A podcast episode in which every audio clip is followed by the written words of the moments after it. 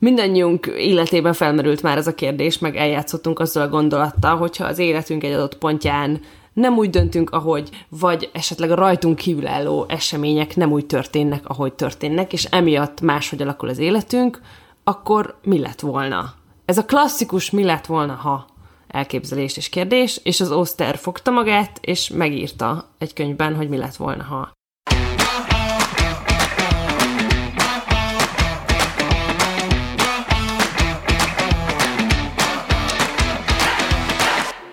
Sziasztok! Ez itt a Kultrang Podcast 17. adása, avagy második évad első része. Én Edina vagyok. Én pedig Luca. És visszatérünk az irodalomhoz, mint ahogy az előző rész végén elmondtuk, hogy most egy kicsit ritkábban fogunk jelentkezni, és nem négy egyes leosztásban, hanem kettessével vesszük a lépcsőfokokat, tehát egyszer lesz egy irodalmi részünk, egyszer pedig egy egyéb, hogy egy kicsit szabadabban tudjunk a Lucával azon gondolkodni, hogy miről akarunk veletek beszélgetni. Ö, és hát ugye az irodalom az fixen megmaradt, szerintem egy kicsit ez is volt eredetileg a, a podcastünknek a legerősebb alappillére, mert az tényleg nagyon-nagyon jelen van a, az életünkben. És a mai napon egy olyan szerzőről fogunk beszélni, ahogy a Luca említette, hogy nagyon örülünk, hogy otthon kellett végigolvasnunk a könyvét, ugyanis a, az a kiadás, amit én olvastam, az 1007 oldalas. Az enyém csak 800. És ez Paul Oster 4321 című könyve. Paul Oster egy amerikai szerző, a 40-es években született New Yorkban. Ez egyébként a történetein is látszik, a legtöbb New Yorkban játszódik. Ö, én egyébként ezen a köteten kívül egy dolgot olvastam tőle, a New York trilógiát, amit szokták emlegetni, hogy az ő no, e, nagy műve tulajdonképpen, ez indította előtt a híressé válás útján, és ez rögtön a második könyve volt egyébként, mm. amit publikált, tehát ő relatíve hamar nagy sikerre tett szert, és hogy valahogy hiába ír hosszú történeteket, vagy hiába ír néha tényleg egy ilyen valamilyen kihívást jelentő szerkezeti megoldással bíró könyvet, attól a végén egy nagyon könnyen olvasható szöveget kapsz a kezedbe, és hát Oster egy, egy ilyen igazi New Yorki. Nagyon éli és nagyon érti azt a várost, egyébként uh-huh. majd mhm. erre is szerintem vissza fogunk még térni, és még mindig aktív, uh, hiába elmúlt 70. És ez rengeteg, rengeteg műve jelent meg, ugye? Tehát, hogy jól, jól tudom, hogy ő egy nagyon termékeny szerző. És egyébként ez a, ez a New Yorki létezés, hogy mennyire az identitásuk része tényleg. Én a feleségének a regényét olvastam, a, amit te is olvastál, a Igen. Sziri Húsvét a felesége, és hogy amit szerettem. Amit szerettem. Című könyve, és és az ugye egy az egyben egy, egy New Yorki szűk művész szférának a mindennapjait írja le, és ott is nagyon kiérződik a, a, a leírásmódból ez a szeretet a város iránt. Tehát, hogy ez abszolút a, a, a részük. Meg szerintem New Yorkot az tényleg így, így nehéz feldolgozni, hogy emlékeztek talán a Bob Dylan részünkben emlegettük ezt, valamint a Patti Smith könyvet is, akkor emlegettük a Just Kids-et, kölykök néven Igen. van lefordítva. Valahogy azért, azért New York, aki járt ott, szerintem az, az tudja, aki nem, annak meg javaslom, hogy egyszer, amikor már majd lehet utazni, akkor járjon. Nagyon-nagyon különleges hely, és biztos, hogy van benne miről írni. Biztos, hogy Igen. találsz olyan karaktert, találsz olyan helyet, ami, ami nagyon izgalmas, és amiről lehet írni. Egyébként, ami nekem a legutóbbi ö, legkedvencebb New York feldolgozásom, az ö, amúgy a Krasznahorkai Lászlóhoz kötődik, mert neki az legutolsó két könyve, az Apró munka egy palotáért, uh-huh. és a mellé kiadott Manhattan terv, ez a kettő, ez mind a kettő ugye az ő New Yorki tartózkodásáról szól, és az például nagyon szépen visszavezet egy ilyen kutatásba, hogy ott az utcákon járunk, és mennyi ember járt ott előttünk, és egy konkrét szerzet, hogy ott ők melvélt keresik. Szóval most valahogy idén sok New Yorki történet talán. Igen. Ha már, ha már New Yorknál tartunk, akkor szerintem térjünk rá magára a könyvre. Ugye eddig azt meséltük erről, hogy ez egy mérhetetlen vastag könyv. Azért ez már az ijesztő kategória. Tehát én tudom, hogy a, a 400 oldalas könyv is egyébként szerintem lehet ijesztő, na de azért amikor a kezedbe fogsz egy olyan könyvet, amit így nem lehet rendesen kinyitni, vagy hát igen. ki lehet nyitni, de olyan nehéz, hogy alig bírod kb. megtartani, tehát tényleg így az öletben tartod, akkor azért tényleg elgondolkodsz, hogy na ez egyrészt biztos, hogy nehéz lesz, másrészt megéri-e nekem ezen végigrágnom magamat, mert azért az tényleg egy hosszú történet, amíg. Igen. És itt hadd mondjuk el, hogy ezért is éreztük hogy van létjogosultsága ennek a, ennek a résznek, hogy erről a könyvről beszéljünk, mert mi azt állítjuk bátran, hogy megéri, és itt tök fontos elmondani, hogy én például személyesen nem vagyok egy nagyregényes típusú olvasó, tehát hogy Nekem vannak ismerőseim, akik kifejezetten szeretik azt, hogy elbújnak egy könyvben, hetekig csak az van, nagyon hosszú idő befejezni, stb. De ez az oszter például a legjobb élő példa arra, hogy, hogy az én történetem szerintem a legjobb élő példa arra, hogy ezt hogyan is lehet elolvasni, miért érdemes. Mert én ezt láttam könyvesboltban számtalanszor, ö, játszottam a gondolattal, hogy megvegyem, de annyira hosszú, hogy én nem tudom még olvasni. Mi van, ha még se tetszik, mekkora elköteleződés egy ilyen könyvbe belevágni. Majd megkaptam ajándékba karácsonyra egy családtagomtól, és akkor elkezdtem olvasni, és a karantén időszaka alatt olvastam, aminek nagyon örülök, hogy tényleg nem kellett magammal cipelni, mert amúgy, de ezt csak zárójelbe jegyzem meg, hogy én egy ekkora könyvet lehet, hogy már két kötetben adnék ki, és akkor kezelhetőbb. De annyira beszívott a történet, annyira mindjárt beszélünk részletesen arról, hogy miért roppant izgalmas a felépítés ennek a könyvnek. A történetvezetés meg olyan egyszerű volt, de olyan izgalmas cselekménnyel, hogy, hogy így nem tudtam letenni, és rám egyébként nem jellemző módon én ezt borzasztó gyorsan elolvastam. Én ilyenkor a, a nagy regényeknél általában én csinálok egy ilyen uh, udvarlási táncot, vagy nem is tudom, hogy nevezzem, hogy így, így kerülgetem a könyvet tök sokáig, míg el nem kezdem. Aha. Amikor már elkezdem, akkor végigolvasom általában ugye gyorsan, mert uh, ráadásul szerintem nagyon tudod, így, így beránt az, hogy de hát, de hát én tudni akarom, hogy mi történik utána. Miért És van ezért... ez a tánc? Nem tudom, szerintem pont azért, mert tudom, hogy én nem vagyok egy ö, olyan alkat, aki el tudja húzni sokáig, hogy olvassa. De tudom, hogy egyszerre egy majd, hogy nem ilyen tömbösítettem, fogom neki adni a figyelmemet. Nyilván időbe tellett, tehát hogy ez 1007 oldal, az nekem se egy nap, ez nem is tudom. Nagyon örülök, hogy ezt elmondtad, mert kicsit féltem. Nem, nem, ez, ez nekem is szerintem legalább két hetem betellett, amíg elolvastam. Ez viszont tényleg azt jelentette, hogy nagyon sokat töltök vele, uh-huh. mert ugye egyszerűen nettó sok az olvasási ideje. És ugye én ezt azért olvastam egyébként angolul, mert pont azt tudtam a Paul Osterről, amit ugye említettünk az előbb, hogy ő, ő nem egy nyelv, nyelvtanilag nem egy nagyon nehéz szerző. Ez szerintem a magyar szövegen is biztos, hogy érződik, hogy szépen így, így mész Igen. vele. Tehát, hogy majd, hogy nem, azt gondolnád, hogy tud, tud bestsellert is írni, ha Igen, akarna, abszolút. de nem azt ír, hanem kb, kb. tényleg ilyen minőségi szépirodalmat ír, de nem attól lesz minőségi szépirodalom, hogy maga a szövege marha nehéz. Ugye Eszterházi Péter, tehát hogy azért nyilván a skálán rettentő sok minden van, hogy van, aki a szöveggel mennyire játszik, és mások meg a történettel mennyire játszanak, hogy Póló nem az az igazán nehéz, hogy elolvasd. Na de hogy, hogy rátérjünk szerintem arra, hogy, hogy hogyan épül fel ez a könyv, és miről szól tulajdonképpen. Borzasztó érdekes cselekményről beszélünk, mert ugye mindannyiunk életében felmerült már ez a kérdés, meg eljátszottunk azzal a gondolattal, hogyha az életünk egy adott pontján nem úgy döntünk, ahogy, vagy esetleg a rajtunk kívülálló események nem úgy történnek, ahogy történnek, és emiatt máshogy alakul az életünk, akkor mi lett volna? Ez a klasszikus mi lett volna, ha elképzelés és kérdés, és az Oster fogta magát, és megírta egy könyvben, hogy mi lett volna, ha.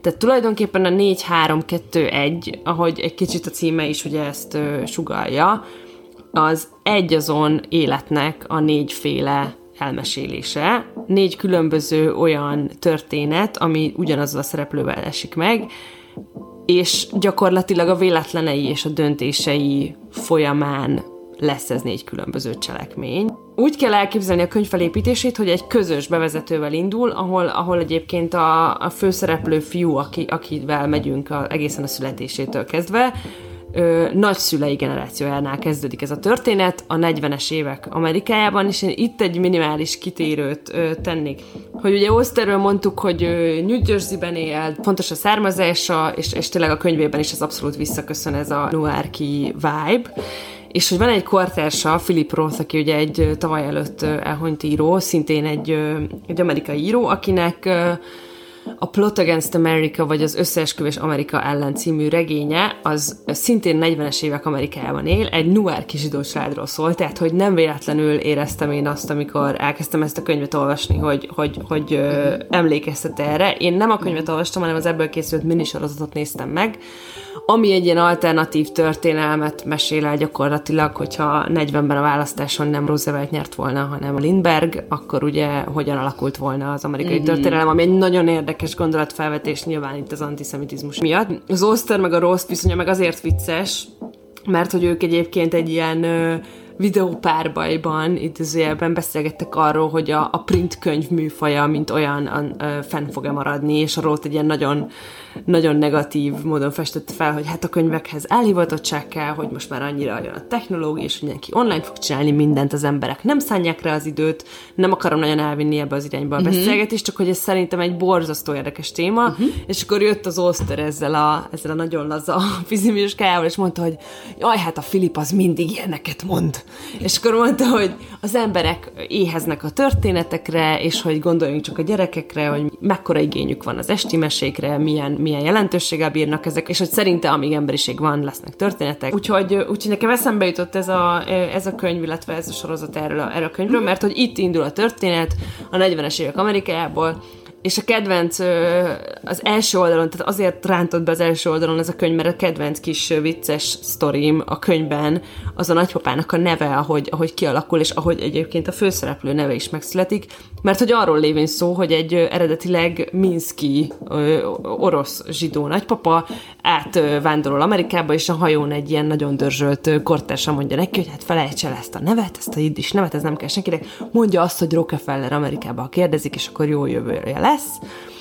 Csak hát az út fáradalmaitól ezt ugye elfelejti a nagypapa, hogy milyen nevet mondtak neki, és amikor kérdezik a bevándorlás hivatalba, akkor ugye jiddisül azt mondja, ami a német nyelvre hasonlít, hogy ich hop Ferguson, és ezért lesz Ferguson a főszereplő családneve, úgyhogy ezt csak így itt hagyjuk nektek, hogy ennyire kedvesen kezdődik a történet, és valóban Archibald Ferguson lesz ennek a, ennek a férfinak az unokája. Archibald. Álljunk itt meg egy pillanat. Archibald. Ami, érted? Ez így egyébként fantasztikus, hogy tényleg azon a néven, hogy Archie, ez így létezik, meg nyilván használják, de hogy... hogy hát vicces, Harry Herceg és Meghan Markle kisfiát így hívják. Tényleg? Tényleg. Szegény. Archie Ferguson egy teljesen klasszikus kisgyerekként indul, és Igen, neki körülbelül a kora felnőtt koráig követjük. Igen. Ez a és ugye odáig közös a történet, hogy ő megszületik, tehát el, elmeséljük nagyszülei szülei generációját, az ő születéseig az mind a négy történetben egy közös szál, ezzel kezdődik a könyv, majd pedig négy részre oszlik, de nem úgy, ahogy azt az átlagolvasó képzelné, mert én mindezt, amit eddig elmondtunk, tudtam, mielőtt elkezdtem olvasni a könyvet. Kb. ha bármilyen cikket kerestek róla, akkor ez az az első, amit igen, leírnak. ez nem egy nagy spoiler. Nem, igen. Meg nem is, az, nem is az benne szerintem a legizgalmasabb valami, hogy hogyan csinálja meg a végén különben. Igen. Tehát, hogy pont amit te mondasz, hogy szerintem egyrészt tényleg arra nem lehet számítani, tehát nem az, hogy végigírja mind a négy történetet, hanem ezek így kicsit ilyen párhuzamosan mennek egymás mellett,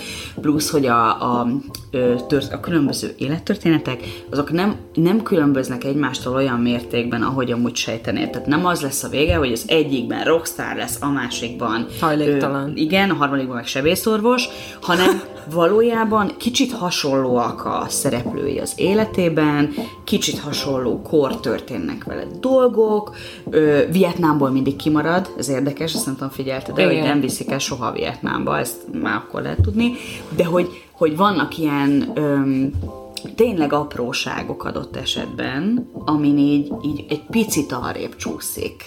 Na, és, és nagyon igen. szépen és ügyesen és óvatosan csúsztatja arrébb. És most meg is fogtad, hogy szerintem ettől zseniális a könyv. Tehát, hogy nekem itt lett igazán egy hatalmas olvasmányélmény, azon túl, hogy ez egy érdekes gondolatkísérlet, ami akkor is így lenne, ha az egyikben rockstar lenne, a másikban hajléktalan, a harmadikban sebészorvos, de attól lesz fantasztikus, hogy annyira emberi, ahogy elmeséli ezt a négy történetet, tehát gyakorlatilag, ugye miután közös a történet a nagyszüleinek, szüleinek, ha úgy vesszük, genetikailag kódolva van a srác. Uh-huh. Tehát, hogy megszületik egy bizonyos ö, képességekkel és érdeklődéssel rendelkező valaki egy bizonyos korban, ami mind a négy történetre igaz, innen indulunk. És ez a nagyon izgalmas benne, hogy ugyanazzal a skillsettel tehát őt konkrétan az írás és a sport érdeklik, és ez mind a négy szában nagyon fontos jelentőséghez jut mind a kettő. És hát nyilván az Osterhez hasonlít. Tegyük hozzá. A másik az pedig az emberi vonzat, hogy vannak olyan emberek, akiket úgy látszik, hogy muszáj megismerned, mert minden szában találkozol velük. Lehet, hogy minden szában szerelmes leszel abba az emberbe. Kevésbé tudtam volna kapcsolódni a történethez, hogyha teljesen más a négy szál, de így, hogy ugyanarról az emberről beszélünk, és tényleg ilyen apróságokon múlik, ami megint egy izgalmas kérdés, hogy mennyiben az ő döntése, és mennyiben a véletlenek folyamánya ez, így így annyira lehet vele menni, hogy ez elképesztő szerintem. Igen, nagyon-nagyon olvasmányos, nagyon... Néha én bevallom nekem az egyetlen kihívást azt jelentette, hogy rettentő szorosan követjük ennek a fiúnak az életét. Nagyon, nagyon részletgazdag. Nagyon részletgazdag. És nem úgy unalmas, tudod, hogy olyan sorozatokról beszélsz, amit nem ismersz abban azokban a New York években, vagy ilyesmi, csak rettentő részletes néha megállunk ezzel a, a fiúval, ugye mondtuk, hogy pici korából kezdődik, és tényleg egy ilyen 20 éves koráig igen, igen. körülbelül. Tehát ráadásul ugye egy felnővés regény is mind a négy történet, tehát közben tényleg ahogy, ahogy ráébredsz, mit tudom én, a szexualitásodra, az is egy fontos része, ahogy ö, az iskoláidat végzed, az is egy fontos része, melyik iskolába jársz, hogyan, stb.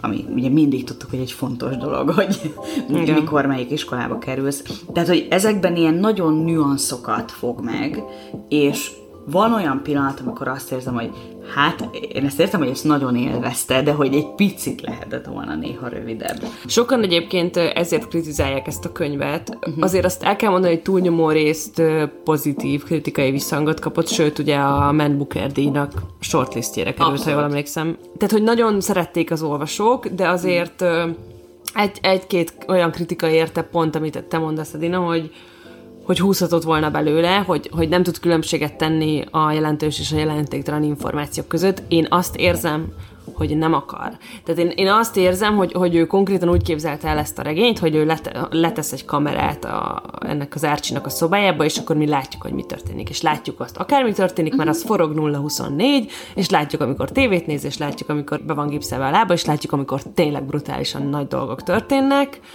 Engem inkább az zavart egy kicsit, de nyilván ez is ezt a fajta történetmesélést szolgálja, hogy még a párbeszédek sem voltak ö, kötőjelekkel elválasztva, hanem így ömlik az egész, és akkor csak a kontextusból derül ki, hogy ez most egy élő beszélgetés, és nem a képzelete, vagy nem a gondolatai, vagy a belső monológia, hanem ez egy effektív emberek közötti párbeszéd. Tehát ez egy kicsit néha nehéz, és szerintem azt elárulhatjuk nem, hogy ez az osztás hogy néz ki, azzal azért nem lövünk le akkor a poént, hogy ez a négy szál, hogy Akkor most szólunk, most elmondjuk az osztást. Igen, mert hogy ez, ez viszont szerintem meglepő annak, aki, aki csak annyit tud, hogy négy szál. És egy kicsit ö, ezen is gondolkoztam sokszor, hogy mekkora írói szándék az, hogy te megdolgoztatod az olvasót, ami ami ugye az olyan, hogy ezt neked magadnak kell rájönni, nincs semmiféle útmutató. Konkrétan úgy kell elképzelni ezt a négy történetet, hogy ezek párhuzamosan léteznek, vagyis nem úgy, hogy elmesél egy történetet nullától 20 akárhány éves korig, vége, következik a második történet, és így tovább, hanem etapok vannak, és az első fejezet négy részből áll, van egy 1.1, egy 1.2, egy 1.3 és egy 1.4, ami ugyanazt az életkort meséli el a négy történetben. Uh-huh. Ami azt jelenti, hogy amikor végigéljük az első mondjuk három évet Árcsi életében, és befejezzük a részfejezetet, akkor végigéljük Árcsi három évét még egyszer, de tök más körülmények között, és csak most kezdtél el egy könyvet, azért nem tudod, hogy miről van szó, ezért azt látod, hogy az előző fejezetben olvasottaknak a homlok egyenest az ellenkezője történik meg, amire azt kell mondjam, hogy én hát nem is zavarba ejtően, de később jöttem rá, mint amit bevallani büszke vagyok. és visszalapoztam, hogy nem lehet, hogy egy ekkora, ekkora igénytelen hiba marad, ezt nem lektorálta senki. Mi az, hogy a nagynéni nem ment férjhez? Hát még a férje nem is le volt írva, és akkor én lapozok vissza 50 oldallal, akkor ebben, na jó, annyi nem volt, 10, hogy mi történt, mire rájöttem, hogy ah, Szóval ezt így kell elképzelni, hogy egy kicsit oda kell rakni az olvasónak is a melót. Egyébként nekem az volt még a, a picit nehézség, tehát egy, nem is csak ez, hogy van ez a, ez a struktúra, hanem hogy ugye azt mondtuk, hogy nagyon sokszor ugyanazok a karakterek jönnek be, tök más kontextusban. És azt követni, hogy akkor most, tudod, amikor már a három pont egynél tartasz, hogy várjál, ez melyik? Igen. Itt mi történt? Ez, ez melyik a... Amit egyébként relatíve ügyesen megcsinál, hogy az első két oldalon felrakja neked megint a... Mindig visszautal. Igen. Nagyon, nagyon figyeltem erre, hogy mindig visszautal. Vissza. Az első oldalon van egy mondat, amiből tudod, hogy ez igen, melyik. Igen. Viszont ha, ha tudod, még sokáig olvasod ezt a könyvet, akkor lehet, hogy, hogy nehezebb már visszamenni. Ha szüneteket tudod. tartották közben, igen. De közben utána meg arra gondoltam, hogy emlékszem a, nem is tudom kitől hallottam, hogy tudod, a száz év magány végén is van egy családfa. És azt nagyon sokan ö, fontosnak tartják, hogy mindig tudják, hogy pontosan melyik szereplőről van szó, ugye ott nagyon sok szereplőt ugyanúgy hívnak, hogy könnyű legyen a történet.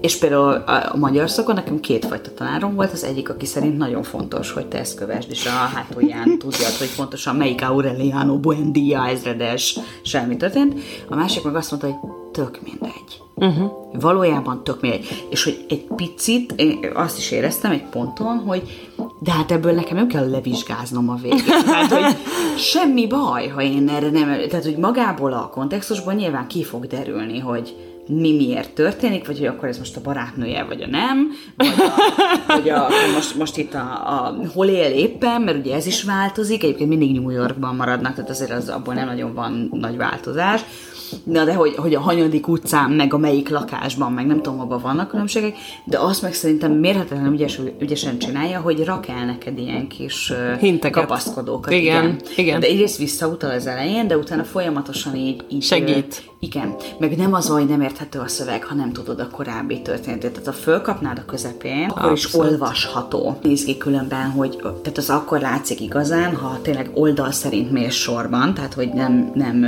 végignézel egy sztorit végig, hanem darabokban, hogy a kis különbségek, tudod, hogy miken múlik az, hogy ez történik vele, vagy az történik vele, azok akkor jobban kijönnek, Igen. rendesen mész. Mert ugye akkor tényleg az vagy, amit mondtál, hogy egyszer nullától három éves lesz, aztán megint nullától három éves lesz.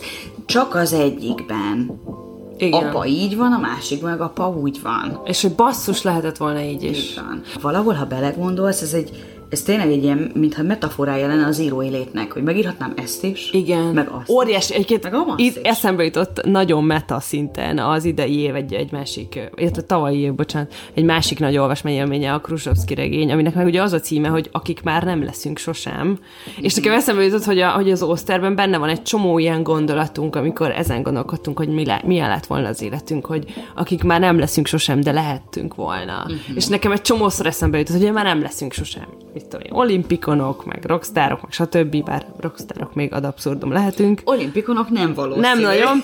Tehát, hogy nekem egy csomó ilyen gondolatom volt, nyilván mindenkinek azért működik ez a könyv, mert mindenkit foglalkoztat, hogy mi lett volna, ha akkor nem jobbra megy, hanem balra, és, és ez, ez tényleg egy, szerintem ebbe a könyvben van munka, ez nagyon látszik. Abszolút. És nem csak azért, mert, mert ilyen elméleti síkon mozog, és elvárja tőled ezt a munkát. Én imádom, ha egy könyvért dolgozni kell, így. Nem úgy, hogy leküzdöm a szövegakadályt, mert unalmas és száraz. James Joyce hogy már mondjak más libridíjas magyar írót, mindegy. Ah, ah, ah. Tehát, hogy ha, hanem azért, mert, mert az, a történet bonyolultsága indokolja, és nekem azért, hogy ez egyébként szuper izgalmas történettel menni tudjak, dolgozni kell. Így képes és hajlandó és boldog vagyok dolgozni érte.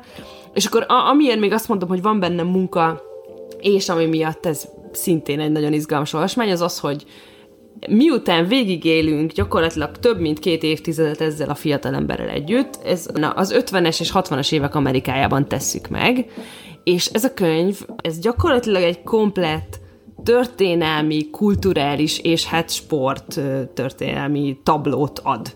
Tehát olyan szinten konkrét szerzők, énekesek, sportolók, elnökök, történelmi események leírását élhetjük végig, hogy ez, ez felfelér egy, egy, egy történelem órával, és, és nagyon izgalmas, mert ugye test közelből ennek a, az akkor éppen x éves Archibald Fergusonnak a, az életén keresztül.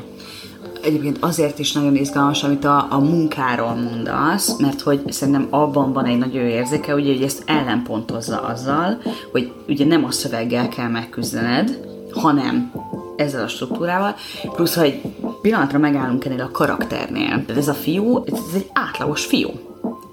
egy, egy bevándorlók gyereke, tehát persze nem, nem 1700 akárhányban érkeztek a szülei Amerikába, de hogy nem egy zseni, nem egy leendő elnök, nem egy ö, olyan ember, akire föl kell nézned, vagy nagyon le kell nézned rá, hanem ez egy átlagos fiú. Így van. Átlagos érdeklődésekkel.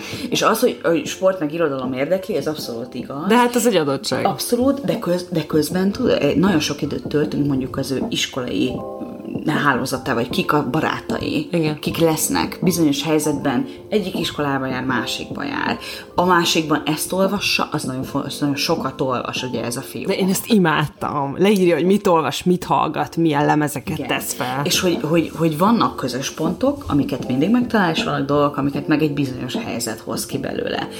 És hogy például az, hogy a szüleivel nem tökéletes a viszony, ez mindegyikben megvan például.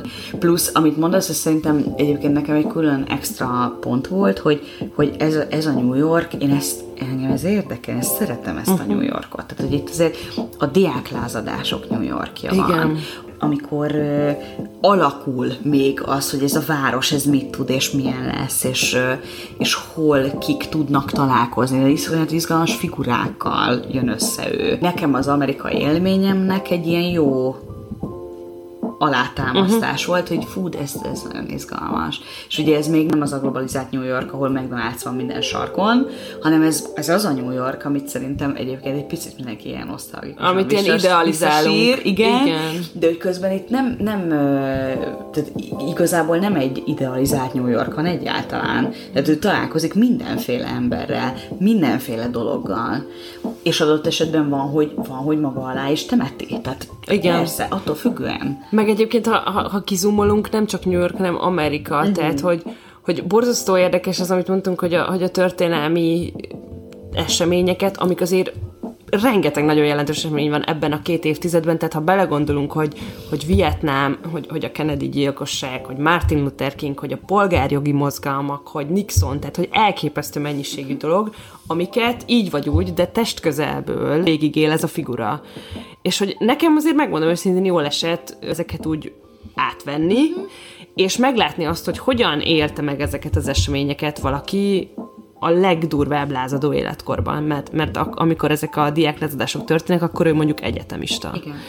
Ez, ez, ez a nagyon történelmet nem izgalmas. módosít, tehát hogy csak az ő, csak az ő története módosult, történelmen módosult, tehát azzal nem játszunk, Igen. hogy, hogy JFK-t nem ölték meg. Meg nyilván mi, mi ebben így szeretünk fürdeni, azért van kultajánló podcastunk, hogy, hogy, hogy konkrét szerzőket, konkrét jazzzenészeket, konkrét, a sportolói vonal mondjuk engem pont nem érintett meg, de van, akit biztos az érint meg, így, így megemlít név szerint, és ez is látszik, hogy az Oster ezt borzasztóan élvezi. Tehát ez minden során látszik, hogy ő ebben í- ő is, ő is fürdőzik, ahogy mi. Abszolút. Úgyhogy ez, ez, Ebbe egyetértek. Ebbe egyetértek. Egyébként az is izgalmas, amit, amit még korábban még arról is mondta, hogy a hossza, hogy ugye akkor itt gyakorlatilag egyrészt az is igaz, hogy négy regényt olvasol el. Tehát uh-huh. bizonyos, ha azt veszed, hogy ez négy külön regény, akkor nem is olyan hosszúak. Tehát Igen, amúgy akkor igen. ilyen Akkor 250 normális. oldal körül vannak. Egyébként ez a hosszú amerikai regény, tehát hogy egy negyed pillanatra visszatérek erre a Ross versus uh-huh. Paul Auster történetre, hogy nagyon érdekes, hogy ennyire ellene volt a, a Ross. Ő, ő amúgy rövidebb könyveket ír általában, nekem az a tapasztalatom az ő könyveivel, amikkel találkoztam, de hogy az az igény, hogy nagyon hosszú amerikai regényeket írjunk, vagy megírjuk a nagy amerikai regényt, ez itt tökre jelen van, szerintem amúgy az amerikai irodalomban. Ha csak a Frenzenre gondolunk. Uh-huh. A Frenzennek a tisztaság, azt hiszem tisztaság néven jelent meg a Purity, tehát ezek a regényei, ezek rettentő hosszúak, ugyanilyen hosszúak, mint a, mint a Paul Austernek a 4-3-2-1 vagy Pynchon. Uh-huh. Ő is ugyanilyen hosszú. De ugye a rossz nem a, nem a hosszát kifogásolta, csak annyit mondott, hogy szerinte ebben a technológiai, meg digitális világban a print műfajnak a létjogosultsága az megkérdőjelezhető. Igen, de t- közben szerintem azért... Hogy Mert nyilván ezt is mondja ezzel. Igen, Igen. de hogy a, a, a, a regényfogyasztásnál azért az mindig szerintem egy tök nagy kérdés, tudod, hogy tényleg, amit mondta, hogy neki adjuk ezt az energiát, beleülünk, és a többi. Uh-huh. És hogy most, mintha lenne egy olyan tendencia, egyébként szerintem ez ilyen kicsit ilyen világszintű tendencia, és hogy sokan akarnak hosszút írni, mert ugye az tényleg nagyon részletes és mélyre tud menni, és nagyon izgalmasan tudnak benne öm, összekapcsolni családi történetet mellé, kulturális kontextust adni, van hely, építeni történetet, van uh-huh. hely mindenre, viszont amúgy, és pont itt a kérdés, vagy itt ez a nehézség szerintem, hogy utána viszont kb. így, így igazolnod kell, hogy ez egy érvényes ezer oldal. Uh-huh. És különben, ugye pont én mondtam, hogy néha húztam volna, de azt is értem, hogy ez annak is a metaforája, hogy az élet az nem úgy működik, hogy kihúzzuk, és akkor csak a fontos részek maradnak benne. Az egy kiváló sorozat, de hogy, hogy azt is értem, hogy ha azzal játszunk, hogy akkor most néha unalmas, mert e, e, igen, néha unalmas. erre mondtam a kamerát, az Oszter ezt így képzelt, hogy akkor megmutatom ezt a fiút, hogy hogy nőtt fel. Így van. És, akkor... és én azt érzem, hogy nem mindig megy a, a, a szenzációra. Tehát, hogy nem arról szól, hogy, hogy engem minden oldalon meglepjen, vagy minden oldalon adjon hozzá nagyon durva új dolgot. Ez egy ez egy finomsággal, én azt mondanám, hogy finomsággal megírt regény, hogy tudja, hogy, hogy nem kell ahhoz nagyon nagy dolognak történnie, például, hogy egy élet másfele induljon el. És ez egy nagyon bátor írói vállalás szerintem, hogy megmutatjuk az, azokat az órákat is, amikor a kamera forog, de nem történik semmi különlegesen izgalmas, de már csak ezért is e, nagyon jó, hogy az elején beszippant ez a struktúra, és tudod, hogy hogyan épül fel a könyv, mert amikor néha van egy pár olyan oldal, amikor nem annyira izgalmas maga a sztori, akkor is tudod, amit az előbb mondtál, hogy annyira apró dolgokon fordulhat, és, és, és annyira apró dolgok okozhatnak később nagyon jelentős ilyen cselekmény változásokat, vagy lehetnek ilyen sorsfordító jelentőségűek, hogy mész tovább, mert nem mm. tudod, hogy hogy, hogy mi fog történni a következő oldalon, és hogyha ebben a fejezetben mondjuk nem is történik semmi, tudod, hogy a következő egy teljesen másik sztori lesz. Közben tényleg, amit mondasz, hogy nagy írói vállalás, én ezt azt, azt meg azért értem, mert el tudom képzelni, hogy ha nem az Oszter neve lenne rajta, akkor azért nem, vagy, nem vagyok benne biztos, hogy, hogy be, belemernél ö, vágni, vagy nyilván egyébként erre újra csak egy pillanatra kitérek, hogy nagyon jó dolgok a díjak, hogy ott megcsinálnak egy szelekciót neked, amit ö, nem neked kell. Ugye a Membukernek pont most jött ki az új ö, listája, tehát amúgy, ha érdekel benneteket, akkor, akkor nézzetek rá, de hogy nagyon nagyon, én például nagyon hálás vagyok ezeket a szelekciókat, főleg külföldi irodalomnál, Igen. ahol azt érzem, hogy van egy ilyen hatalmas ö, merítés, ahol van köztünk ráadásul egy nyelvi korlát, melyiket fordítják le, melyiket nem, és hogy, hogy itt például ez, hogy ez a Man Booker shortlistes, és ráadásul magyarra is lefordították, és egyébként szép munka. Milyen szép, amikor tényleg egy ilyen jóféle irodalom felé ö, tolnak amúgy. Tehát a végén, a végén nekem ez a konklúzió. Én egyébként az elképzelem azért, hogy az Oszter ezt kitalálja. Hogy ez a gondolat megszületik, és akkor, hogy, hogy, hogy nagyon érdekes, hogy te kapsz egy, megkapod azt a végterméket, és hogy azt mi gondolkodás előzi meg. És ez is nagyon izgalmas, és ezért ö, foglalkozott rettentően még az elolvasás után hetekkel is, hogy, hogy én nagyon szeretem ezt, hogy filmeknél is szoktam csinálni, hogy visszamegyek, hogy honnan indult a sztori, honnan indult a rendező, mi volt a fejében. Uh-huh. És hogy ez a könyv, ez tök érdekes. Uh-huh. És hogy akkor neked van egy ilyen ezzel ellentétes folyamat, hogy oké, okay, ez a vége annak, amit, amit ő kitalált, de mi volt az eleje? Eljátszom azzal a gondolattal, hogy ha nem úgy alakul az életem, akkor hogyan alakult volna? Uh-huh. Két sztori? Frászt legyen négy! És tudod, így elképzelem, ahogy így, és hogy hogy írja meg, és hogy megszületik ez a szerkesztői struktúra. Szerintem rettentő izgalmas, tehát hogy van, van, itt, van itt még agyalni való. Szerintem egyébként akkor összefoglalva, amit tényleg mondtunk eddig, és, és erősítsük meg, nagyon sok szeretettel ajánljuk ezt a könyvet, tök jó könyv. Én ránéznék a Man Booker listára, rá is fogok különben, de ö, ha, még ha nem is ö, ezt találjátok meg, akkor egyébként is ö, Paul Oster szerintem egy, egy izgalmas szerzés. És ahogy szoktuk, akkor az irodalmi részeiket a napmondatával zárjuk, ami ugye egy hát a podcast esetében kevésbé tetszőlegesen, de egy kiragadott mondat a könyvből. Tehát a napmondata a következő. A világ sosem lehet több a világ töredékénél, mert a valóságban benne van az, ami megtörténhetett volna, de nem történt. Ezzel gyakorlatilag egy mondatban össze is foglaltuk a könyvet. Úgyhogy ezt adjuk útravalóul, és és hát akkor hamarosan találkozunk ismét, addig is kövessetek minket a Facebook oldalunkon, hogy ne maradjatok le az új fejleményekről, illetve az Instagramon mindkét helyen Kultrahang podcast néven találtok bennünket. Köszönjük szépen, hogy velünk voltatok. Sziasztok! Sziasztok!